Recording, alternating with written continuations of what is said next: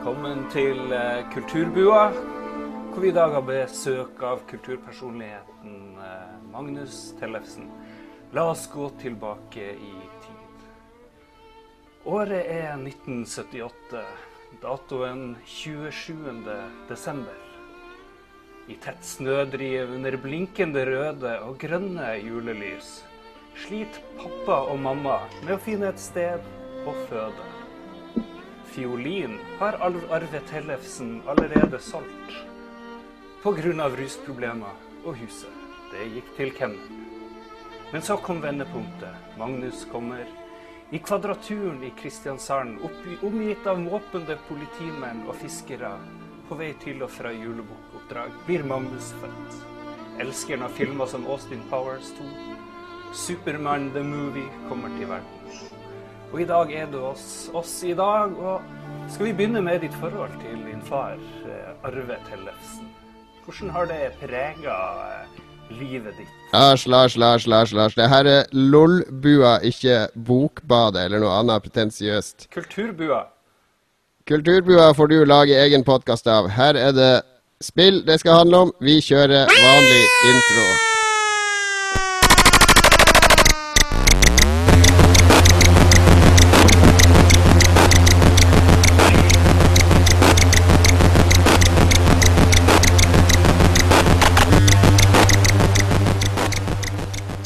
Der har vi roa ned eh, Lars, og vi er i gang med en vanlig episode av Lolbua. Episode to, faktisk.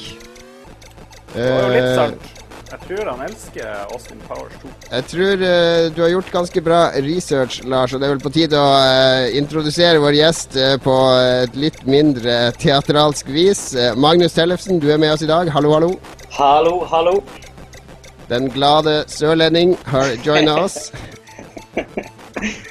Jeg må Du si er- noe du er- Hæ? Du er sønn av Arve Tellefsen, ikke sant? Er både sønn, bror og nevø av Arve Tellefsen. Det var det jeg visste. Ja, det var veldig spot on. Også den greia med Austin Powers 2. Det er jo på topp fem-lista di, har jeg hørt. Ja. Topp én. Men eh, hvem er du, Magnus? Det må du nesten fortelle vår, eh, vår enormt store lytterskare. Ja, de som sikkert ikke kjenner meg fra før. Eh, jeg er nå Magnus Tellefsen. Jeg har jobba fryktelig lenge med spill. Eh, først på Akosmik og på Spiderman, og jeg jobba med Jeg har skrevet om spill i Game Reactor, i Spill.no, Farojournalen. Nå skriver jeg litt frilans rundt omkring og går på Bay. Og jeg er 34 år. Ja, ja. Og du jeg, jeg har jo kjent deg lenge, altså. Du kommer jo alltid inn der jeg jobber mens jeg jobber, og så tar du over jobben min, og så går bedriften konkurs. Det har vel vært et slags, et slags mønster. Det er sloganet mitt på, på Twitter, det. Alt jeg tar i, blir lagt ned. Ja da. Nei da, men vi har jobba mye sammen, og du var naturlig førstevalg som gjest i vår fantastiske podkast. Og eh, ja, vi har fulgt fullt eh, program som vanlig, har vi ikke det, Lars? Du er midt i flytting, ja, men du har likevel hatt tid til å eh, gjøre litt andre ting enn å flytte siden sist, har du ikke det? Ja, jeg prøver jo å utsette det så langt som det er mulig. Og jeg fant ut at nå er det én uke til jeg slutter jobben. Så, eh, og da jeg begynte angsten å komme. Men jeg har nå fått gjort litt eh, Jeg har spilt litt rollespill. Jeg har hatt avslutningsfest på lørdag. Har akkurat nå begynt å komme i form igjen. Du er klar til å forlate Alta nå? Ja Jeg er ikke klar til å flytte ting og bære ting. Det er jeg ikke klar til. Så hvis man kan Hvor dyrt er det å få noen til å gjøre det? Nei, jeg vet ikke hva det er oppe i Nord-Norge. Det er sikkert noe Har du ikke noen russere eller et eller annet som kan kjøre inn og gjøre det for det? Jeg skal sjekke det. Jeg skal sjekke det. Men det blir godt å forlate Ja, men det blir godt å forlate Alta, for jeg leste jo at det var stort uh, hurlumhei der oppe i uh, Altaposten i dag.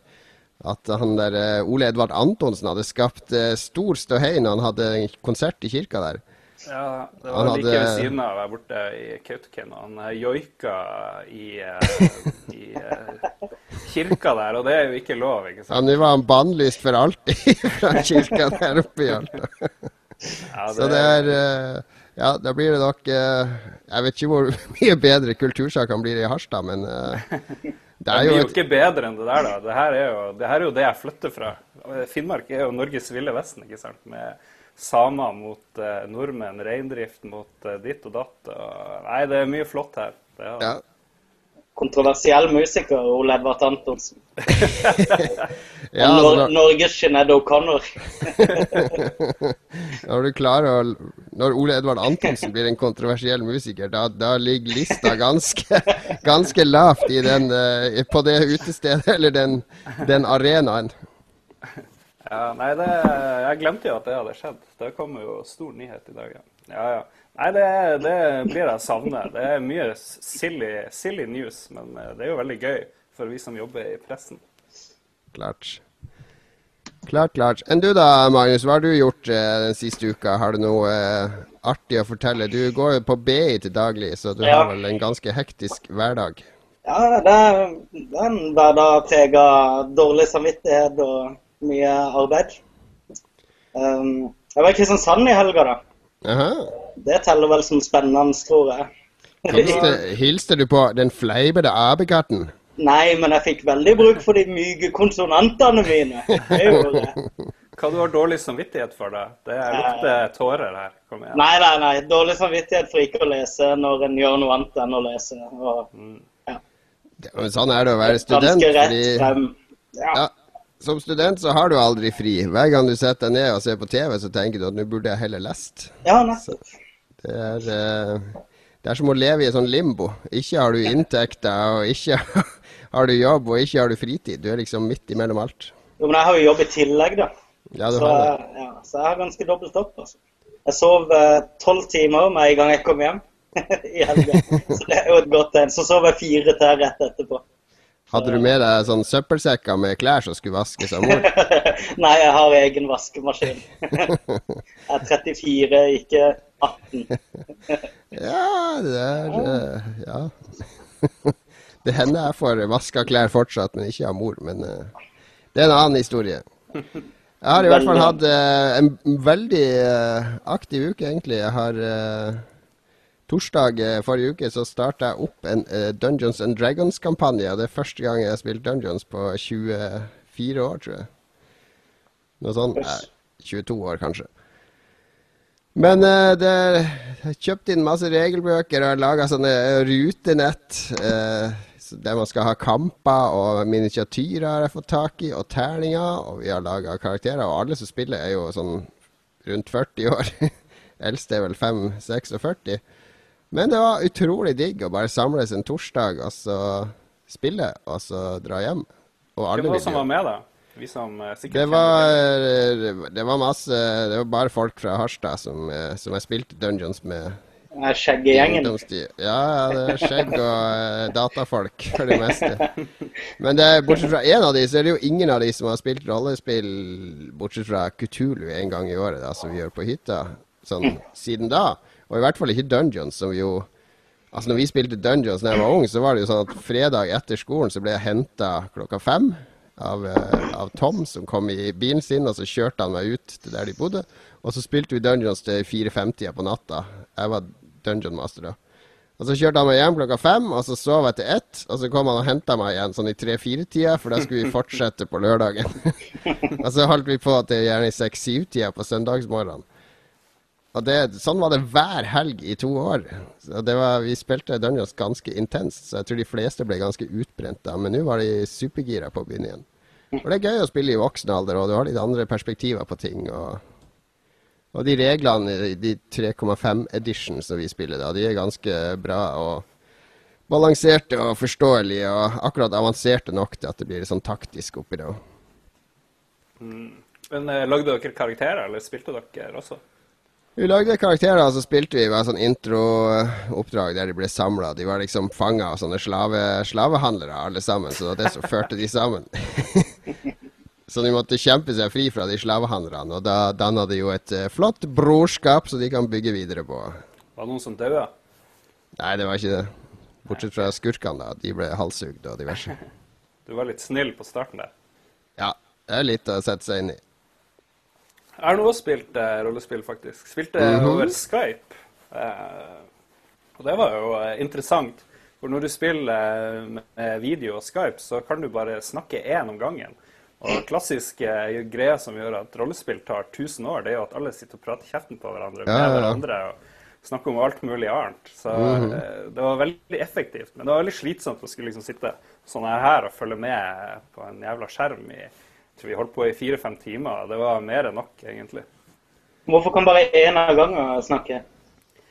Nei, det blir bare kaos når uh, hvis uh, Vi har okay, fått det er en kjeft regel. Nei, vi har jo fått kjeft fra de som hører på podkasten, at eh, hvis vi snakker i kjeften på hverandre, så er det umulig å få med seg noe som helst. Så det er bare vanskelig å, å Det, få det, med blir, seg ja, det blir bare én sånn lydstrøm, mens når du sitter i et rom, sant, så kan du fase ut de to som snakker der, og fokusere på han som snakker der. Så, så det blir vel bare mer intens lyd. Men uh, ja, du har ikke noe eh, rollespillbakgrunn du, Magnus. Du var vel for opptatt med punkrock og Jeg var opptatt av det òg, men jeg, hadde jo, jeg var litt sånn semi-geek når jeg vokste opp. Jeg, jeg spilte faktisk en del rollespill, men uh, kanskje ikke så seriøst som uh, flere av kompisene mine. Jeg likte Nei. Tun, da. Tun var jeg dritglad i. Ja, det er morsomt. Jeg var på Arkon 10 også, faktisk. Spilte Flying Dutchman og Tun. Wow. Ja. Har, har du Arkon-button din fortsatt? Nei, jeg har ikke det, altså. Jeg, Jeg så de jeg har nettopp. Hm? Jeg var på sekseren eller åtteren, tror jeg. Jeg, har det. jeg hadde den bøtten i mange år, men jeg vet ikke hvor den er. Var de har nå, 25 eller noe? Ja, det er det. gamle greier.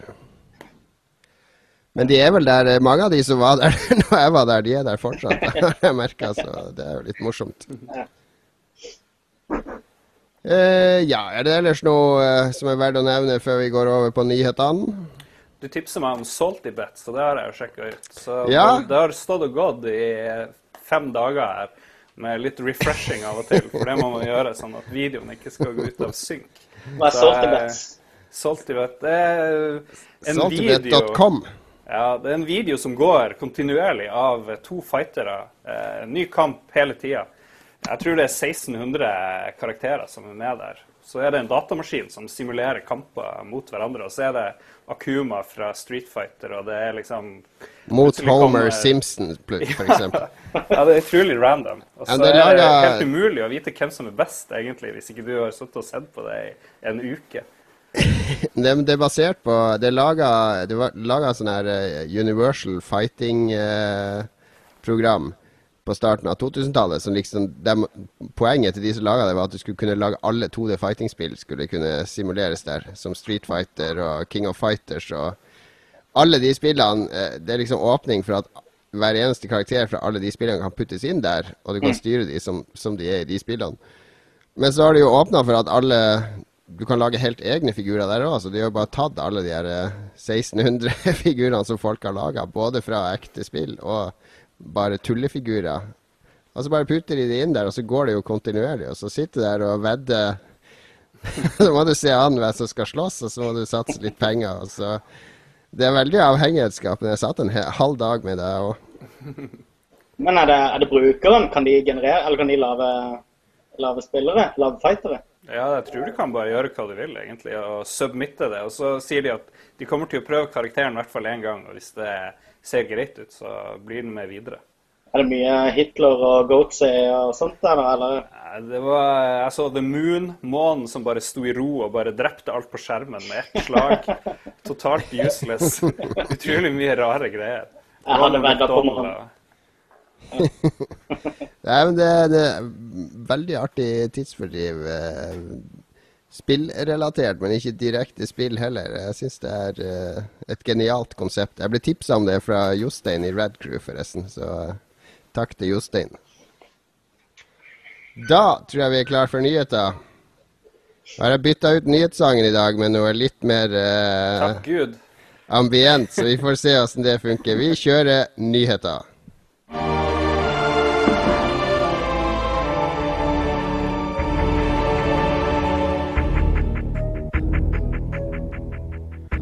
Da er vi på CBS. Klar for en dose nyheter. Jeg kan begynne. Dead Rising 3 forbudt i Tyskland. Nei, det er uh, hva jeg som tok med den nyheten der, for jeg syns jo at uh, At de tyskerne driver og ødelegger for hele Europa hele tida. Altså, når VU kom, så var det jo bare lov å kjøpe 18-årsspill om natta pga. Tyskland. Og uh, da i, i, det spillet Hva heter det som kom nå med David Cage? Beyond Two Souls, så har de klippet bort noe vold pga. tyskerne. Og det samme gjorde de i et spill nå nylig. Uh, Last of Us. Der er det også sånn eksploderer Du kan ta sånn headshot sånn at hodet eksploderer på motstanderne i multiplayeren. Det ble fjerna i den europeiske versjonen pga. tyskerne. Mm. Så jeg syns de her tyskerne skal ta og skjerpe seg litt. Uh, de er jo helt, uh, helt paranoide. Ja, men De er jo helt paranoid med den volden. Det har de jo vært eh, siden andre verdenskrig av en eller annen grunn. ja, men du skjønner jo at hvis de får lov å spille voldsspill, så blir de å invadere Europa.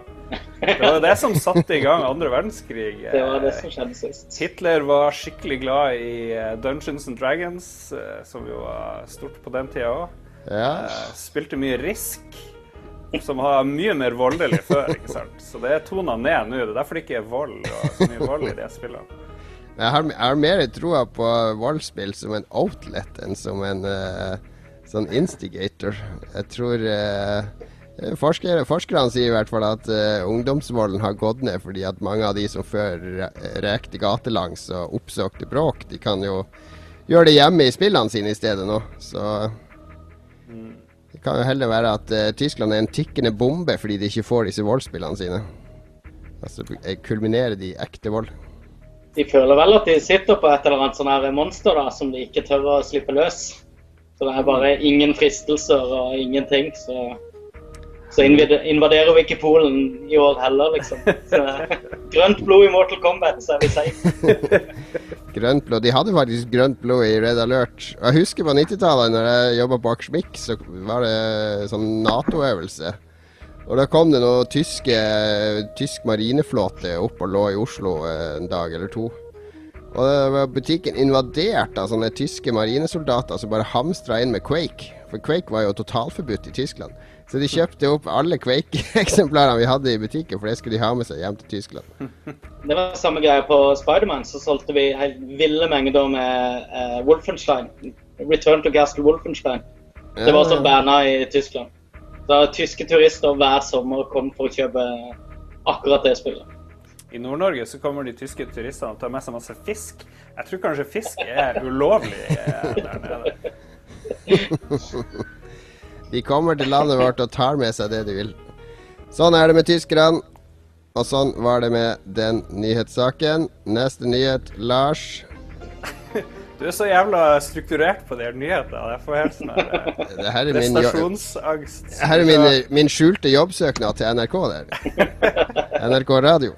Min, mitt eneste bidrag til news, eller jeg har to. Jeg kan jo først ta oppfølgeren til Gay Games 2018, som jeg har blitt eh, interessert i. Eh, Magnus, forrige uke Ja, du ble invitert. Forrige uke ble vi invitert, hele redaksjonen, eller i hvert fall redaksjonen, til Gay Games i Paris 2018.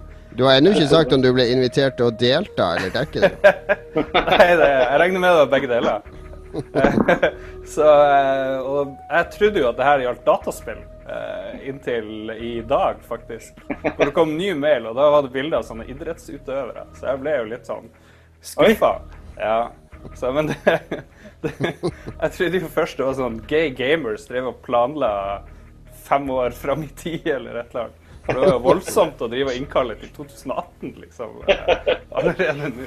Men det, ja, det er tydeligvis en stor uh, greie for ekte idrettsutøvere. Det, det, var ikke sånn twister og litt sånn føles det frem i mørket og sånne, sånne leker? Nei, det var bilder av svette, svette folk som sprang stafett i forrige mail, så eh, det yes. går vel på sånne ting. Ja. Da er det viktig så, å vite hvilken seksuell legning man har. Så da fikk vi en oppdatering på Gay Games, altså 2018. det var... Siden vi tok det opp forrige gang. Men min ordentlige, min ordentlige nyhet og noe jeg har lyst til å teste, det er jo nye Pokémon-spillet. Men jeg har glemt begge mine Nintendo 3DS. En vanlig og en Excel som jeg kjøpte etter at jeg mista den første. Jeg, og så fant jeg den første, den var i Harstad. Så for jeg hjem til moderen på besøk, så klarte jeg å glemme den andre. Så eh, nå har jeg ingen 3DS. Men får, får du ikke pakka fra Bergsala? Jeg får jo pakke. Jeg har fått spille alt mulig, men eh, Fikk du ikke med en 2DS? Det fikk jeg med i spillet. Fikk du med en 2DS? Se på de. Og det Magnus har òg fått. Vi har alle fått. Trippel high five. Jeg må, jeg må ringe Bergsal og høre hvor min 2DS er. Kjøleskapsmagneter og Ja, jeg trodde jeg så til og med Bernt Erik i Game Reactor hadde fått en 2DS, så da burde jo du ha fått en, Lars, strengt tatt. Jo, jo, men det Herregud. Vi er vant til å eh, bli, komme seint i køen her oppe, så Jeg kjenner til det. Jeg får kjenner ta- til det. Jeg får ta og klage litt. Klag i vei. Jeg tar en ny nyhet. Det er så cheesy med de jinglene. Men uh, ja, det funker. Eh, Vi gikk jo glipp av hele nyheten min, da. ja, ja, ja. Pokémon eh, selger fire millioner på bare noen dager. Mm. Det var jo, Jeg skulle ikke bare klage over at jeg ikke hadde fått en 2D. Nei, det er jo rekord for Pokémon-serien, så vidt jeg har skjønt. Ja, har ikke prøvd det her, da? Ja, jeg har prøvd det. Jeg spilte masse. Ja, er det, burde, jeg, burde jeg være snurt for at jeg ikke får spilt det? Ja, ja, liker du Pokémon? Jeg er litt fascinert, men jeg føler jo på meg at det blir sånn Jeg spiller noen timer, så blir jeg kanskje lei. Men eh, man vet jo aldri. Det er jo sånn som de gamle, men det er jo også sånn at du kan spille en halvtime hver dag og ha jevn progresjon. Men det er veldig likt de gamle, selv om det er en del nye ting. Så er det jo Det er den samme gamle bilen, bare med nytt dekor og litt nye elementer. Men hvorfor blir det så, hvorfor blir det så genierklært? Det får fantastiske kritikker rundt omkring. Ja, men Det er veldig artig, og det er jo sånn spill som du gjerne vil spille i 200-300 timer, som egner seg til å spille så lenge. Fordi at uh, du kan sette deg et lite mål. Jeg skal gå, Nå skal jeg utforske den grotta og finne de Pokémonene som er der, og så gjør du det en halvtime, og så skrur du av. Og så neste dag så skal du velge deg ut et nytt team du skal trene litt opp. og... Så jeg skjønner det. Jeg, jeg liker jo både Pokémon og spesielt Monster Hunter-serien. Og den som var på VU nå og 3DS. De syns jeg er helt geniale. Det er litt i samme gata, for det er også litt uh, veldig seig progresjon der, og mye crafting og litt sånne ting. Dere vet det- Nei, vær så god, Magnus. jeg skulle si, jeg har ikke spilt Pokémon siden uh, Pokémon Blue, var det vel. Det begynner Mhm. å bli en stund siden. Eh, er, det, er det samme greia ennå? Er det random encounters? Og det du snakker om med å utforske ei hule, består i å gå frem og tilbake på ti piksler og vente på en random encounter? Ja, det er stort sett sammen. Og, altså, Og så går knu, knuser du i, random eh, encounteren med én taktikk som du har kjørt de siste 50 timene. Ja, det er litt mer balansert nå. Det er litt okay. mer elementer, det er litt mer krefter, det er litt mer eh, items, og det er eh, Men det er, du går fortsatt i det høye gresset for å finne Pokémons og sånne ting. Så det er Hele strukturen forandrer de jo aldri. Og det og jeg savner jo et litt kulere Altså, de kunne jo pakka hele konseptet inn i en mye kulere historie. Som ikke bare handler om at du skal fylle den der dumme pokédexen og ta de 80 gymtrenerne hver gang. Spilte Så- dere, eh, spilte dere Pokémon Pinball, forresten? Ja. Ja, det var dritbra. Det er jo mitt favoritt-Pokémon-spill, egentlig. Ja, alle har prøvd. Det var Genialt sinnssykt bra. Jeg kunne holde på i 100 år, for det var så jækla mange Pokémons du måtte fange. Og brettene var jæklig bra. Det var, jeg, var det to brett, eller var det bare ett brett? Jeg tror kanskje det var to. Tror det var to. Eh, Ja. Så jeg husker kjæresten min og jeg på den tida, vi måtte kjøpe hver vår eh, kopi av spillet. For å, det ble så Vi satt hele tida der. Ja, jeg har det fortsatt i en skuff her. Men eh, fire millioner på uh, noen få dager, det er uh, voldsomt imponerende, det. Det er 3DS, ja, 3DS er jo Det er den mest potente konsollen akkurat nå. Hva solgte GTA? Var ikke det litt mer? Jo da, det solgte jo masse, men det er jo ikke et Ja. konsolleksklusivt uh, spill. Nei, men det er litt tidlig med de der uh, salgsrunk-nyhetene, syns jeg. Det er liksom jeg, I hvert fall jeg sitter fremdeles igjen med de der tallene fra GTA. Jeg er fremdeles litt sånn skjellsjokt. Så Ja, de er sinnssykt høye, de. Det skal, men uh, Pokémon er jo spill som selger i to år, ikke sant? Det er det som er med. Hvis du, går inn, hvis du går inn på Game nå og ser på 3DS-hylla deres, så står det jo uh, ja, forrige står jo Super Mario Land og masse andre spill på topp, fordi de selger jo jevnt. Ja. Så at der de andre spillene selger i to måneder, og så er det bare bruktmarked, så Nintendo-spill lever jo salg, salget ganske lenge. Så Pokémon kommer nok til å selge langt over ti millioner før det er ferdig. Vil jeg tro, da. Vi rekker Vi kan ta en blodfersk nyhet. This just in. Watchdogs utsatt til 2014. Ja, What?! til våren. Det var den, og The, og The Crew utsatte de i samme slenge. Så det var den PS4-lanseringa. Hva du skal spille på PS4 da? Killzone og uh, hva er det der? Drive Club? Nei, jeg skal spille Resogun. Det er jo det jeg gleder meg mest til. Ja, Resogun. Det, det, det er ikke mange PS4-kjøpere som kjøper PS4 for å spille Resogun. Jeg skal bare spille indie games og småspill på min PS4. I mange måneder fremover. Jeg vet ikke, Hva er launch-spillene? Det er Killzone, det gir jeg litt faen i. Men de sier jo at det er litt Og så er det Drive Club. Ja, de sier jo Killzone er jo litt annerledes enn Eller nye Killzone er litt annerledes enn gammel Killzone. Ja, og så er, er det jo selvfølgelig Battlefield og Assassin's Creed og en masse annet crap som eh, se, kommer til å se ut som PC-utgavene av de spillene. Det blir jo de store juletitlene, blir vel også PS4 launch-titler, regner jeg med. Mm. Ja.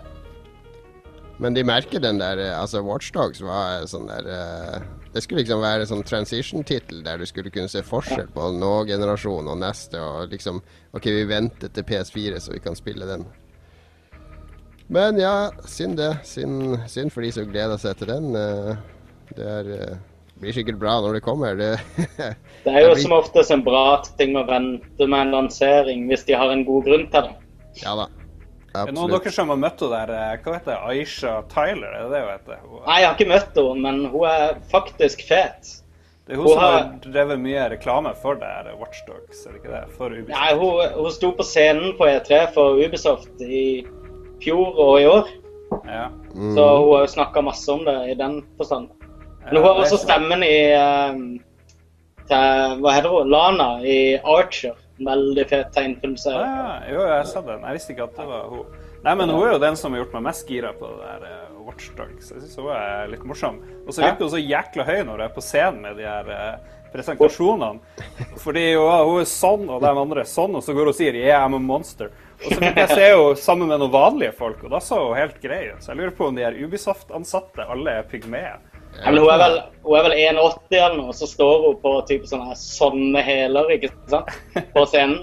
Ja, han er Yv Uh, Hva Ja, han er, han? Yv han er jo nesten en dverg, men han, uh, eh, han der Ansel, han Rayman-fyren, han er jo ganske høy.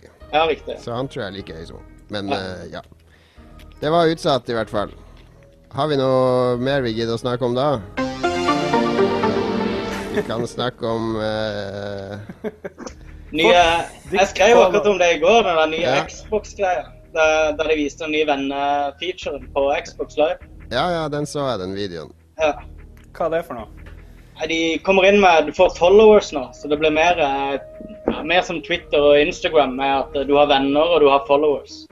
Og så har du en egen sånn live-feed som holder deg oppdatert på aktivitet på, på de du følger eller de du er venner med.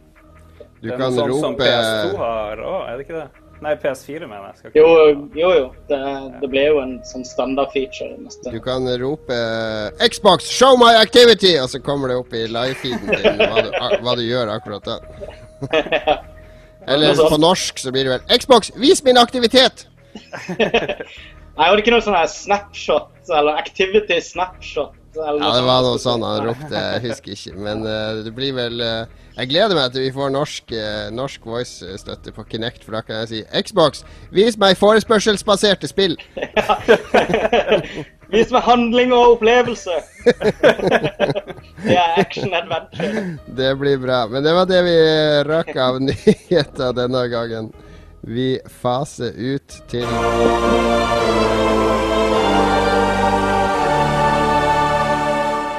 Til en eh, spalte der vi egentlig skal ta imot eh, spørsmål og kommentarer fra lyttere. Men eh, jeg tror ikke vi vi tar, en, vi tar en psykisk utgave. Vi får kontakt med åndene, og så tenker vi oss spørsmål som folk ville ha spurt oss. Altså døde gamere. Ja. Siden vi skal snakke med åndene, tenkte jeg. Psychic, psychicgamers.com. Um, jeg tror de ville spurt Magnus eh, om, eh, om eh, Når traff du Arve Tellefsen første gang? Det var jo eh, da jeg ble født, som sagt. Da han spilte fele mens jeg ble født. I Markensgade i Kristiansand. Akkurat da makrellen kom inn. Ja, nei, det var, det var alle spørsmålene vi hadde, tror jeg. Ja. Jeg tror det var alle spørsmålene vi hadde. Eh, vi trenger flere spørsmål neste gang. Skal vi være litt mer aktive med å promotere og jakte på spørsmål både på uh, nettsida Enboss og på Twitter. Vi er jo oppe i 20 followers på Lolbua på Twitter, faktisk. 20. Så det er jo nå bare det. Ja da. Vi, Vi, eh, kom jo nettopp ut på eh, iTunes òg. Det er jo verdt å Det har vi gjort, så eh, det, det kan bare gå oppover, det her. Nå når vi har fått Magnus med oss, så sprer han ordet utover det glade Sørland.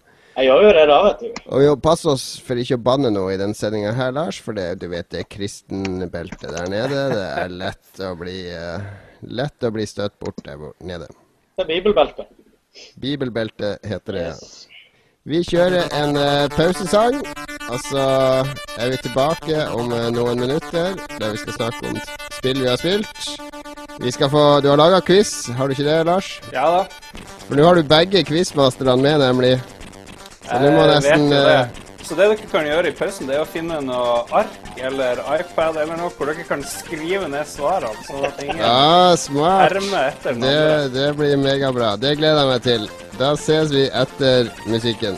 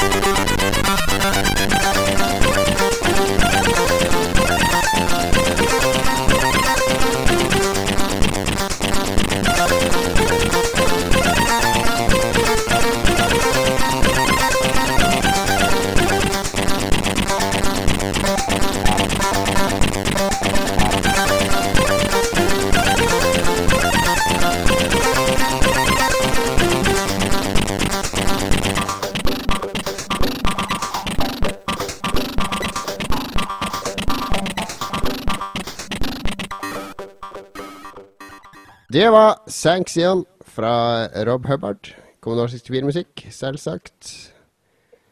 Meget bra. Meget bra musikk. Vi har kommet til spalten ting vi har spilt i det siste. Og eh, ja, vi må jo la gjesten vår få lov til å begynne. Har du hatt tid til å spille noe i det hele tatt i det siste, Magnus? Eh, Merkelig nok så har jeg det. Jeg har uh, vært borti The Wolf Among Us, nye Telltale-spillet. Det er de Walking Dead-folka. Ja, riktig.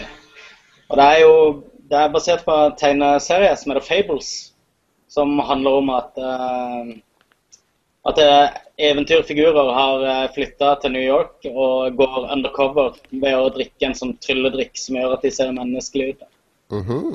Og det er veldig sånn seedy, skitten, mørkt eh, Sånn kriminell underverden-setting gjennom hele spillet. Veldig kult. Du spiller privatdetektiven, eller nei, sheriff er vel, som er Wolf, altså den store, stygge ulven egentlig, da. Ja. Som skal hamle opp med et mystisk drap som har foregått.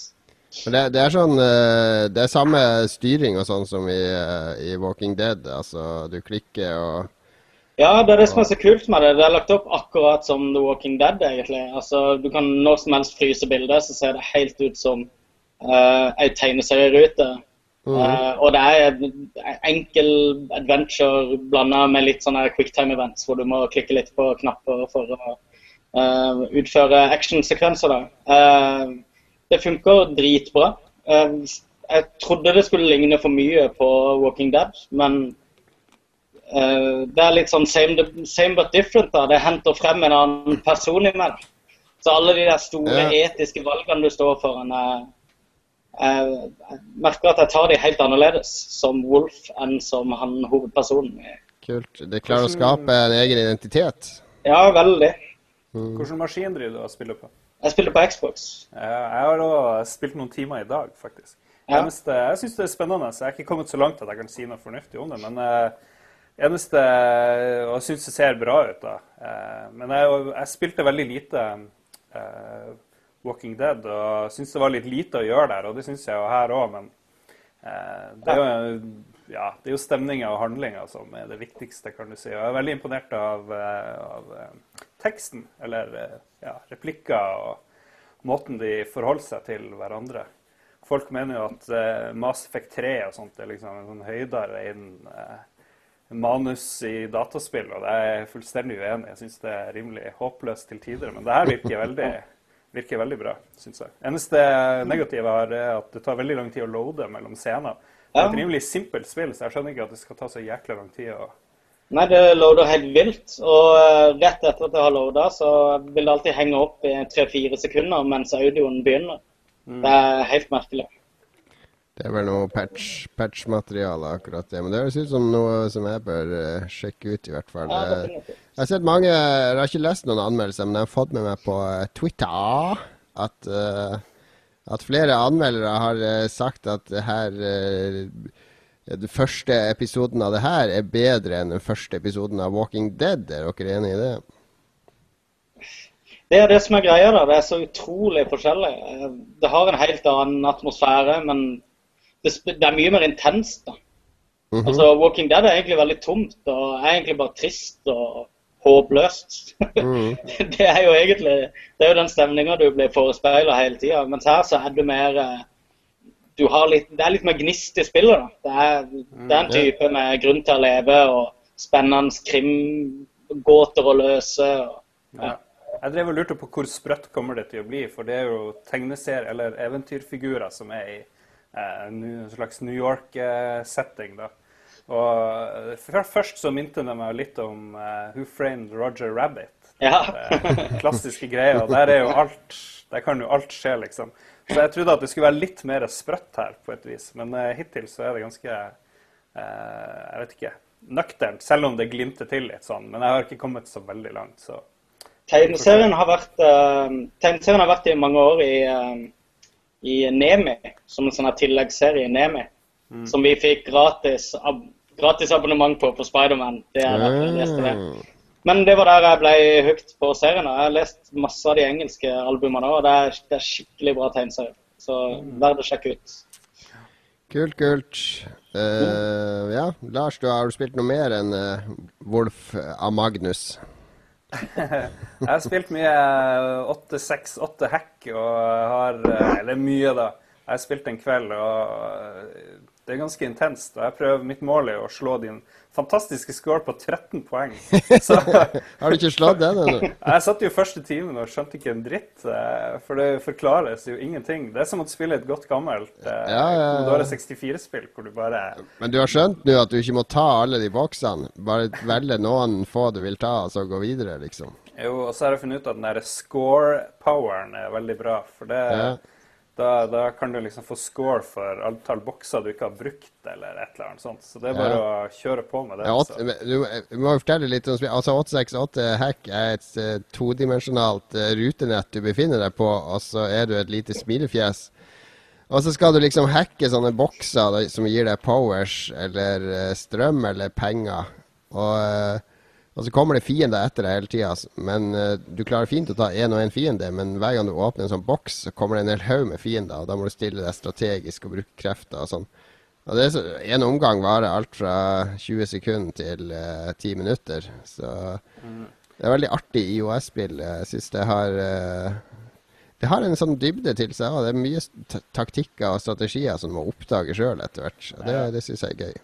Jo da, på de her åtte ganger åtte rutenettene så er det noen hovedbrikker som er der, som du enten kan hacke eller få poeng fra. Og alle de utløser de her eh, virusene som kommer ut. Men i tillegg, på de to tomme rutene, så er det òg masse sånne små symboler. Det oppdaga ikke jeg før mm -hmm. etter ganske lang tid. Og så, men så slet jeg fremdeles med spillet, og så gikk jeg på YouTube og så noen som var sånn monsterflink. Så så jeg jo hvordan det gikk. Og så skjønte jeg at hvis du skyter på de her fiendene, så kommer de egentlig ikke mot deg. Du kan bare fortsette å skyte på dem. For jeg drev bare hele tida og skulle flykte fra de greiene, og da dør man ganske fort. Ja, ja. Så jeg anbefaler å sjekke ut noen sånne YouTube-greier for uh. Ja, nei, men det er fett, fett mobilspill. Et av, de, et av de aller beste i høst som jeg har spilt, i hvert fall. Ja, hvis man er grafikkhore, så vil man ikke like det, for det er, det er utrolig simpelt. Ja, Men vi vil ikke ha noen grafikkhore som lyttere på vårt program, så det er bare å slå av med en gang. Vi kan ikke støte bort noen av de 20 20 fansen. vi, eh, grafikkhore er velkommen, OK. Jeg har, eh, jeg har egentlig Jeg har spilt Pokémon, men det snakka vi om i sted. Og så har jeg spilt uh, Batman uh, Arkham Origins, men det får ikke lov å si noe om. før i neste sending. Så det får vi spare til neste gang. Uh, er det bra? Hva, den sier nå bare terningkast, da. Tenker spillere for å gi terningkast. Nei da. Nei, det er, uh, det er Batman. Det er det. vi får ta det neste gang. Jeg tør ikke. Jeg har skrevet under med navnet mitt i blod for å få spille. Så. Jeg har faktisk uh, jeg har vært stuck med et IOS-spill som jeg egentlig har spilt i over en måneds tid nå. Mm -hmm. er det Blackbar det heter? Jeg glemmer alltid navnet.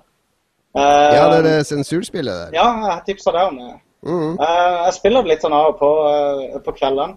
Blir veldig hekta på det, altså. Utrolig godt. Kjenner du det, Lars? Nei, jeg aner ikke hva det er. Det, det fungerer med ja. ja. Nei, forklarer Jon Cato. Ja, det er et spill der du sitter og får, får, brev fra en venn, og så er du i sånn totalitærsamfunn, og så blir brevene sensurert. Så at, du vet når du har sett eh, sånne filmer fra, fra, fra krigen og sånn, når de får brev hjemmefra, så, får, så er det sånne ord som er klippet vekk og sånn ut av mm. brevet. Så, så, det er sånn at noen ord er bare blacka ut, og så må du gjette hva de ordene er, da, det spillet går ut på. Du må prøve å se, det, se, historien i en kontekst. og ok, hva er, det, hva er det som har blitt sledda her? Og så får du skrive inn ord og prøve deg helt til du finner rette ordet. Så det går bare ut på å gjette de ordene som har blitt sensurert. Mm. Men du har spilt det mye mer enn meg, Magnus. Jeg har bare spilt det en halvtimes tid. Ja, det blir en veldig sånn dramatisk historie som utfolder seg etter hvert som du begynner å komme inn i denne. Det blir jo veldig lett, føler du. Du, du føler veldig raskt at du kommer på toppen av det. Det er egentlig bare å sitte og sette inn ord til det funker, da. Men så blir det mer og mer komplekst. og Jeg skal ikke røpe så mye av hva som skjer, men det er, det er en veldig kul story som har åpna seg. Uh, mm.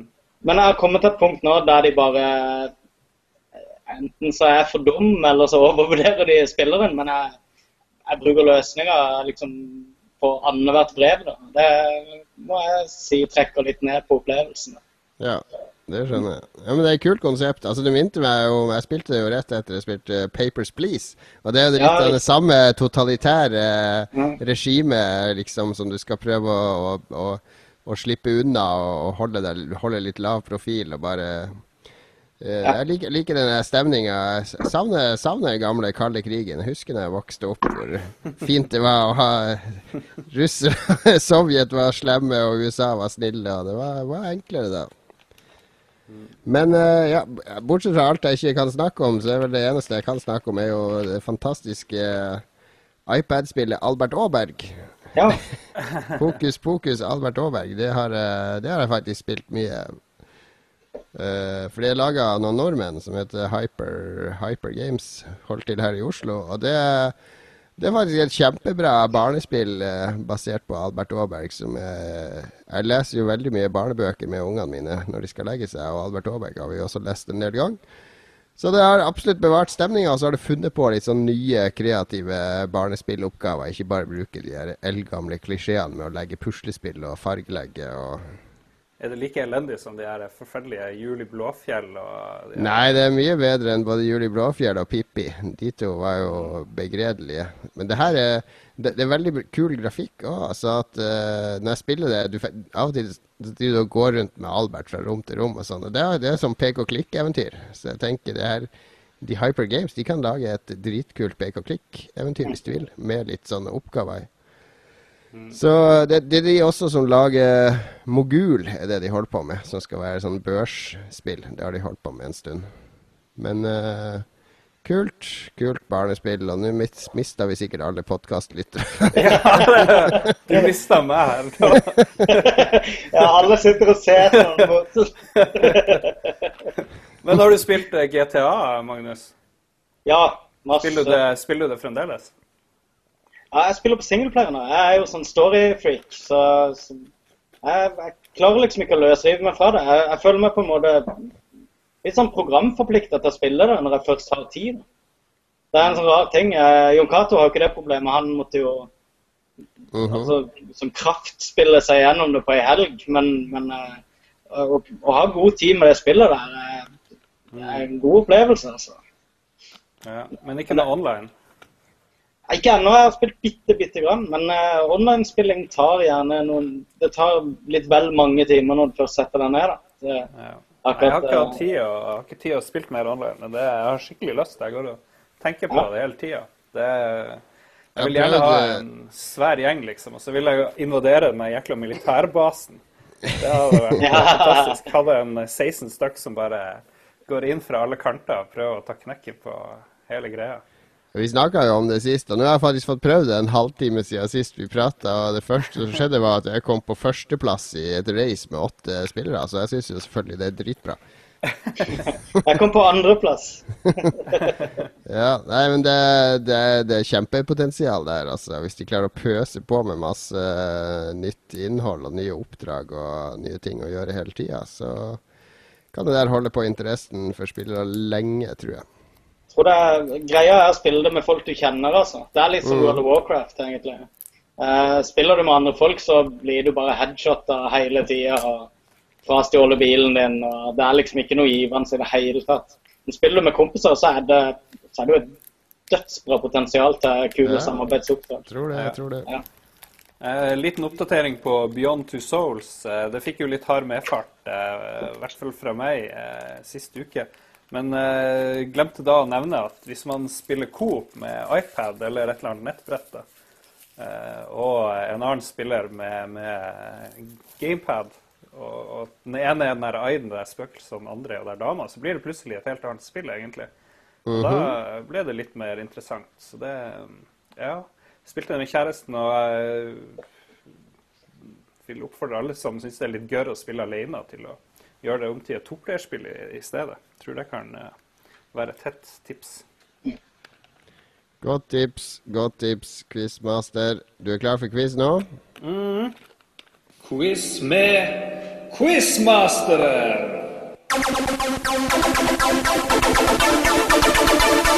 All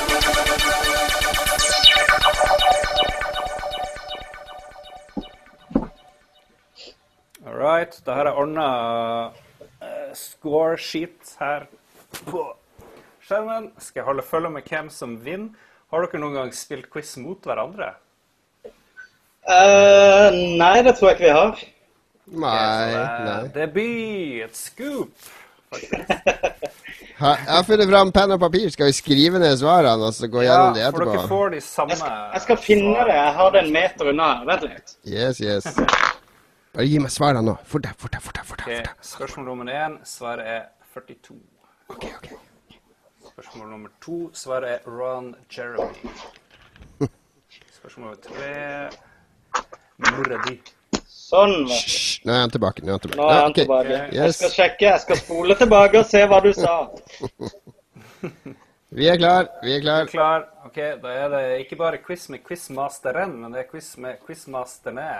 Og det ja, Dere er begge to quizmestere på tilt. Eh, hver gang dama til eh, Jon har rød uke, så er det quiz. Det vet vi alle sammen. Du må slutte, å- hun- Og jeg sagt at du skal begynne å høre på denne podkasten snart, så du må, begynne, du må slutte å ta den hver gang. Skal vi se.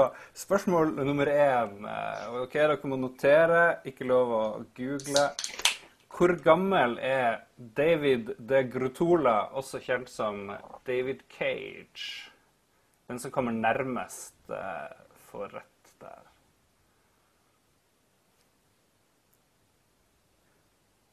OK, vi sier det forholdet. Bonusspørsmål.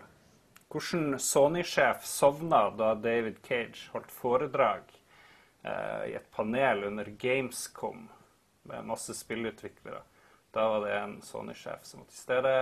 Ble veldig kjent på Neogaf, i hvert fall. Fine bilder av en sovende Sony-sjef. Så ikke ut som dere visste det, nei. Jeg husker bildet. Veldig god radio med sånn her eh, Folk skal drive og tenke. Folk som skriver og tenker. Folk som skriver og tenker. Så her er det Vi, vi korter ned på Ja, ja, kjør på, kjør på. Um, nummer to Så det var liksom to, det er to spørsmål på hvert. da. Ja, ja. Eh, spørsmål sp- på hovedspørsmål to. Hvem fremfører denne sangteksten som jeg nå skal lese opp? I am in his favorite sun dress, watching me getting undressed. Take that body downtown. I say you the bestest. Lean in for a big kiss. Put his favorite perfume on. Go play a video game. Teksten gir ingen mening, men det slutter med 'go play a video game'. Så da er det jo litt relevant for oss. Så, Ja. så dette er en ekte person vi er ute etter det her. Det er en ekte person okay. som synger om rare ting og spiller videospill. Yes, bare gå Eh, videre. du. bonusspørsmålet er er det en person som synger det her pen. Da er det veldig Det var et ja-nei-spørsmål. Ja. Spørsmål nummer tre. Eh, hvor mange Marketplace points kosta Geometry Wars da det kom ut i 2005, var det sikkert? Hvor mange Marketplace points kosta Geometry Wars i 2005? Eh, og bonusspørsmålet der er hvor mye var ett Xbox Marketplace-poeng verdt i november 2005, da Xbox 360 ble lansert? Det korrekte svaret har åtte desimaler. Og vi skal ha det i, dollar. i kroner? Nei, det er i dollar. Det er i I dollar. dollar? Å, det var dårlig gjort. Jeg kan det i kroner. Du må hoderegne. Bare. Ja, men jeg vet ikke hvor dollarkursen er. Nei, det er ingen som vet hvordan det var var i 2000. Det er jo rett, det det nærmeste som, eh, som får uh, Ja, ja, ja. poenget. ja, ja, Det ja. her er jo mer obskurt enn vi lager. Jeg vet jo, dere er jo eksperter, og Magnus Jon har klart absolutt alle spørsmålene hittil. Ja, bortsett det fra er ikke, ikke i dag, kan jeg si. Ja, men det er bra. Her skal vi skille Clinton fra hveten. Ok, nå går vi mot slutten her. Eh, spørsmål, eh, hovedspørsmål fire. Eh, før Pokémon tok over topplistene i Japan, så var det et annet spill som ble øverst i fire uker. Vi skal ikke spørre hvilket spill det var, men hvor mange solgte eksemplarer hadde Monster Hunter frem til torsdag i forrige uke, da de eh, siste offisielle tallene eh, Hvilken Monster Hunter da? Monster Hunter 4. Det har kommet et nytt et. Ja, det Um, og bonusspørsmål. Hvilket år kom første Monster Hunter ut i Japan? Og mens dere Er vi på spørsmål åtte nå? Ja, det er ti spørsmål til sammen. Så det her var spørsmål åtte. ja. Ja. Ja. Eh, skal vi se. Og så er det det siste. Her er det ikke noe bonus, men dere kan få fire poeng. Så her er det mye Her kan alt skje, for å si det sånn. Vi skal ha de fire hovedspøkelsene i Pacman og navnene deres. Det er sånn Jon Cato-spørsmål. Er det det? ja. Mens dere tenker, så jeg fant fram eh, liksom eh, eh, deres egenskaper, hvis ikke jeg har rota det bort. Det var en som var tøff, det var en som var litt sjenert av de her spør spøkelsene. ja, ja, de har Men det, det er algoritmen også, med åssen de beveger seg. Er det Han det? ene, han ene beveger seg veldig aggressivt, han uh, ene er veldig forsiktig, osv. Ja. ja. Nei, men da er vi eh, Da har vi gått Det var ni, var det ikke det? Ja, det er ikke noe bonus på det Ja, ok, siste. ok. Yes, men da må vi bare kjapt uh, gå gjennom uh, fasiten, tror jeg. Skal uh, eh, Skal vi bare si hva vi har svart på de forskjellige? Har dere skrevet det på Hvor dere har skrevet de her greiene, liksom? Jeg skrev det på alt, men vi må Vi, vi er jo ærlige. Er. Vi er ærlige. Ærlige. På spørsmål én, det var David Cage sin alder. Der har jeg svart 45, og Magnus har svart 47. ok, Da får Jon poenget. Han er 44 år. Oh. Hvordan Sony-sjef sovna da han holdt foredrag? eh, det har jeg svart Kasi Rai. det har jeg òg. Men det var ikke han. Nei, det er feil. Det er Shuhei Yoshida. Eh, OK, Spørsmål tre, det er sangteksten. Det har jeg svart Lana Del Rey. Det stemmer helt uh, nøyaktig. Der har jeg ikke noe svar. Og hun er ikke pen. Nei. Hun er Nei, ikke. jeg. Jeg har også skrevet nei. Jeg har aldri, aldri sett henne uten sminke, så jeg kan ikke tenke meg at hun er pen. Ja, Men, eh, i, det rette svaret var nei. Så Ja. dere har eh, god uttelling der. Skal vi se, Hvor mange Marketplace points kosta Geometry Wars i 2005? Jeg skrev eh, 800. 400 skriver jeg. 400 er korrekt. Ja, det er nok, ja. Og så har det spilte veldig lavt før. Ja, det var eh, Skal vi se. Og så det morsomme spørsmålet. Hvor mye var ett Xbox eh, Marketplace point verdt i november 2005 i dollar? 2005? Okay. Nei, 0,01 har jeg skrevet. 0,01 har Jon skrevet. Eh, jeg skrev at én dollar var 72 poeng. Så en 72-dels dollar. Ja, nei, men én dollar er 80 poeng, faktisk. Ja, Magnus var nærmest, så han kan få den. Nei, men det rette svaret er 0,01249375. Ja, ja, Så da tror jeg faktisk du har uh, Oi, det oi, Sånn går det når en ikke hører rett opp på spørsmålene. Eh, skal vi se OK. Uh, Pokémon. Hvor mange har Monster Hunter solgt frem til forrige uke? 3,2 millioner har jeg skrevet. Ja, jeg skrev fem. Rett svar er 2,5. Jon igjen. Dæsken, du må skjerpe deg her på slutten på uh, de siste her. Skal vi se, Når kom første Monster Hunter ut i Japan? Jon? Uh, 2003 har jeg skrevet. Da har jeg skrevet 98. Ja, 2004. Åh, Ja, ja, ja. Så det, det var et PlayStation 2-spill. OK, siste. Hva het de fire spøkelsene i Pacman? Det jeg skrevet Pinky, Blinky, Inky og Clyde. OK? Jeg har skrevet 1, 2, 3 og 4, og ikke skrevet noe navn. Så jeg har ingenting. Der, skal vi se Hvis vi summerer Skal vi se på Magnus. Mm, 3-0 får jeg faktisk. mm. 3-1. Ja, det er 1. Og Jon fikk én, to, tre fire Ja, du fikk veldig mye. Og du hadde alle spøkelsene rett, Jon. Ja, det er sant. Det er Ja, det var veldig bra. Takk, Det takk. bra. Nei, ja, de spøkelsene de kan jeg. De har jeg laga spørsmål om på quizen vår Det før, har du. Har du det, ja? Så jeg kan de. Men det var en gøyal quiz. Eh, takk for kampen. Eh, Det var ti gratis spørsmål til neste quiz for oss. Vi må, vi må henge i. Det er kun én uke til neste quiz. Det er på Tilt i Oslo tirsdag 20 Hvilken dato er det? 20, ble det ikke 24. vi kom frem til? 22. 22. blir det. 22. Tirsdag 22. oktober er det bare å komme på Tilt i. Oslo og delta i spillquiz. Da er det tid for Retrospalten, denne gangen med Lars.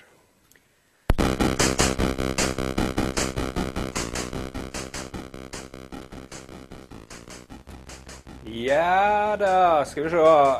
Du spurte forrige gang, rett etter sending, hvilket spill jeg hadde lyst å lage retrospalte om. Og eh, siden jeg akkurat hadde fått en eh, et par, faktisk, Atari Lynx, fra dama til en dude som har dødd, men som var veldig glad i sin Atari Lynx, så drev hun og lette etter noen som liksom kunne ta vare på det her, og jeg klarte å overbevise henne om at eh, de fikk et godt hjem hos meg. Så det, jeg tar veldig godt vare på dem, må jeg si, hvis eh, eh, hun hører på. Men eh, favoritten til Atari Lynx var jo selvfølgelig eh, California Game, som fulgte med eh, maskinene da den kom i 89. Eh, ble jo denne Lynxen eh, sluppet. Og vi diskuterte vel kanskje i forrige program hvem var det som egentlig lagde de Lynxene, og du eh, gnukka Ja, det er jo på eh, Epic som har designa mye av innmaten. De samme som lagde World Games og Summer Games og Winter Games. De har jo faktisk la, Mm. laga Lynxen. De hadde den jo i omløp i mange år før de fikk solgt den til Atari. Ja, det stemmer jo òg, og jeg mente at det var noen Amiga-folk som hadde lagd men vi hadde jo rett eh, begge to. Eh, for det var Skal vi se En som heter Dave Needle, og en som heter RJ Michael. Begge de to var i Amiga designteamet og, eh, og gikk over til Epix og lagde, lagde denne greia da. Og det Ja. ligner jo veldig på hverandre i både hardware og Ja, det ja, utseende. eh, Men spillet, hva var det du likte med det spillet, Lars? Nei ehm, Det var jo, var jo en bølge med denne typen spill hvor det var masse ulike aktiviteter, sånn som eh, Summer Games, Winter Games og World Games. Eh, alle mulige sånne mye sporter. Eh, men eh, California Games skilte seg jo litt ut med at det var litt sånn Vi som drømte om USA og California og solfylte strender, vi kunne liksom i stedet for å løfte vekter i en sånn sliten gymsal i World Games, så kunne vi heller fære og surfe og eh, hoppe rundt eh, omkring. Og det var jo veldig eh, fysikkbasert òg, som kanskje var ekstra spesielt. Det er jo fire mm, grener i det her eh, California Games. Eh, og spesielt to av de, den her surfinga og eh, BMX. Eh, Spesielt BMX har en veldig enkel fysikk, men utfallet av hvert spill er forskjellig hver gang. Eh, De to andre, som er der hacky sack, som jeg syns bestandig var veldig gøy, eh, fenger meg ikke. Du bare står og slår en sånn gummiball opp og ned. Og eh, skateboard, som er den siste, halfpipe, den var, den var ikke så veldig bra. Men det her er spesielt surfinga og BMX-en. Det, det holdt meg opptatt i ukevis på en maskin som var dødsdømt da den starta. Fordi en måned før Atari Lynx kom ut, så kom jo første Gameboyen. Og da var det over og ut. Akkurat som i dag, når eh, Nintendo 3DS knuser PS Vita med enklere grafikk, enklere spill. Eh, Det viser bare at folk har ikke lyst på en sånn hjemmekonsollopplevelse i hendene. Det er det jeg jeg tolker det sagt, som. jeg har sagt det i alle år. Ja, ja. Så, så det tok livet av Lynxen. Men eh, Lynxen er god å holde i. Den hadde flott bilde, den hadde farger, den hadde en skaleringschip som gjorde at du kunne zoome inn og ut av ting så vanvittig vanvittig Og den hadde 45 minutters batteritid. ja. Nei, ja, den varte hva skal være igjen? Fire-fem timer, altså. Var det ikke Steinar Albrigtsen som, eh, som har sverga til Lynxen i alle år? Jeg mener å huske det var han som hang på Spiderman, og eh, han sverga til den. Alle som ville krangle med han, var knallhard på Lynx. Han var jo en ekte gamer, han. Han spilte Ja. mye spill på turneene. Det er fremtidig gjest, Lars. Skriv opp. Steinar Albrigtsen, fremtidig Lolbua-gjest. Han har sikkert vært på ordentlige Lolbua og alt, han. Ja. Nei, men um, ja. Nei, For å avslutte om California Games, så var det vel Det var egentlig drømmen om eh, noe helt annet eh, som, som var, var greia. Kombinert med at den der surfinga og, og syklinga det, det, Man kunne prøve seg om og om igjen, og utfallet var forskjellig hver gang. Det var liksom ikke bare å springe frem og kaste et spyd som man gjorde, eller ja. Jeg lasta, lasta jo ned og prøvde det faktisk fordi du skulle ha den i den uh, spalten her. For planen var jo at uh, min sønn Thomas på tolv også skulle få komme med en kommentar om spillet. Men han er dratt på leirskole, så vi rakk aldri å få spilt inn det innslaget, dessverre. Men jeg spilte det litt sjøl. Og den BMX-en er jo en sånn veldig tidlig prototype på Trials uh, HD. Egentlig, fordi du driver og manøvrerer og hopper og balanserer og litt sånn nedover bakkene der. Mm. Så, ja. Eh, men det, de Games-spillene til Epix var jo veldig kule, da. Uh, California Games er det jeg spilte minst av de. Ja, det men, var det uh, siste som ble laga av Core-gjengen i Epix. Så etter det så stakk ja. dem hver til seg og var vel liksom regnet som det siste store sånne Epix-spillet, som jo alle vi som hadde de gamle maskinene, husker mm. med, med, veldig kjærlighet i hjertet. Mm. Det var i i mange år det eneste originale Commodore 64-spillet jeg hadde. ja, jeg, jeg spilte det i hjel. Jeg elska det spillet. Så, ja. Det fikk veldig bra reviews òg. Zapp mm. ga det vel 96 eller noe sånt. Det ligger vel blant de topp ti eh, høyest rangerte spillene der i i Zapp. I hvert fall på en liste jeg fant. Jeg vet ikke. Jeg, ikke sikker. jeg så ikke noe 100 spill der. Jeg vet ikke om de var litt mer sånn Nei, de har uh, eh, 98, tror jeg var det meste der. Mm. Ja. Nei, men morsomt at du også spilte det, Magnus. Det... Ja, ja. Stor fan. Jeg spilte alle de sportsspillene, men det er som du sier, California Games hadde en helt egen identitet der i den mengden der. Jeg digga BMX-en var dødsfett. Men det, ikke, det, er ikke så tidløst kanskje som dere vil ha det til. For jeg, jeg spilte det ganske lite, og nå lasta jeg ned den Lynx-versjonen og spilte, og den BMX-en er temmelig håpløs hvis du ikke vet nøyaktig hva du holder på med. Ja, pugge eh, baner. Skateboard var jo fullstendig umulig, og den hackesekken var jo dødskjedelig. Ja, og. Men uh, surfinga var faktisk litt kul, når du får til å hoppe og Ja, og surfinga har stort potensial og er faktisk morsom. Det eneste minuset der er at du har bare sånn to minutter på deg. Eller ja. Det er. Utrolig gøy. Og du kunne ikke ha noen toplayer-battles på det der spillet. I hvert fall ikke på, på Lynxen, så det er litt rart. Så man skulle hatt en endless mode. Men et helt nytt uh, surfespill skulle jeg gjerne tatt, hvor man kunne fære og drømme seg litt bort i, i bølgene og komme høyere og høyere og få bedre og bedre score. Det minner meg faktisk litt om det der IOS-spillet til han der fanfancy Final 7-duden. Uh, eh, de lagde jo et sånt surfespill der du skal må trykke på brettet i lufta for å gjøre triks og ja, ja. Du fikk litt den filen av bare du skal holde type sånn fire surfere i lufta på likt. Da. Det Sammenligne med det der spillet hvor du hopp, styrer den fuglen som må skli nedover i bakkene, og så skal du slippe knappen. Nei, nei, nei. Det andre. Tiny, Tiny Wings heter det. Oh, ja, ok. Det var et ja, sånt type spill. Den har litt sånn Tiny Wings er også litt sånn eh, avslappende, fint eh, spill. Ja. Yes, Nei, men det var en fin mimrestund, det, Lars. Vi nærmer, oss eh, slutten på dagens podkast. Vi avslutter som vanlig med en hyggelig sang. Det har vært veldig eh, artig å ha med Magnus i dag. Vi har planlagt å ha deg med mange ganger. Så vi håper du er klar til å stille opp. Du, uh, stiller opp her i eh, Lolbua. Vi hadde jo en opprinnelig plan om at alle gjester i Lolbua skulle eh, måtte fortelle en vits når de kom inn, i ekte rorbua-tradisjon. Men, det må vi jo det må vi, det må vi prøve på. Magnus slapp unna, men eh, neste gjest i neste program Han tror jeg ikke skal slippe så billig unna. Har du noen uh, avsluttende ord, Magnus? Uh, ikke egentlig. ikke som jeg kan komme på akkurat nå. Jeg sitter og hører på den låta her, og minner meg veldig om spillet jeg sitter og spiller på Wii U for tida. Ja, den er fra det spillet, nemlig. Yes. Fra Earthbound. Oh yes. Onett-theme. Alle de sangene, Det er veldig bra musikk i spillet, men du har hørt de mange ganger når du har spilt et stykke. Ja, de går på repeat. Du da, Lars. Du, uh, hva skjer neste uke? Er du ute av huset? Får vi laga podkast? Har du uh, internett? Jeg er i huset og har internett i neste uke. Det ser sikkert annerledes ut her. Mulig med senga er kasta og litt sånt, men uh, ja. Flyttelasset skal gå neste helg, er planen. Yes. Nei, men da blir det podkast neste uke òg. Da sier vi farvel for i dag takk for følget. Følg oss på Twitter at lolbua.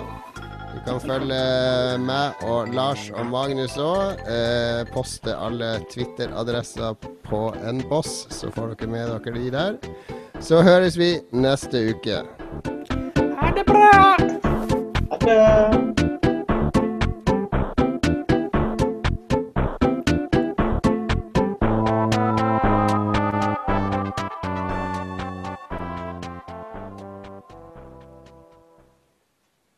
Har du et enkeltpersonforetak eller en liten bedrift?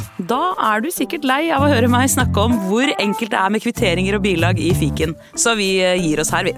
Fordi vi liker enkelt. Fiken superenkelt regnskap.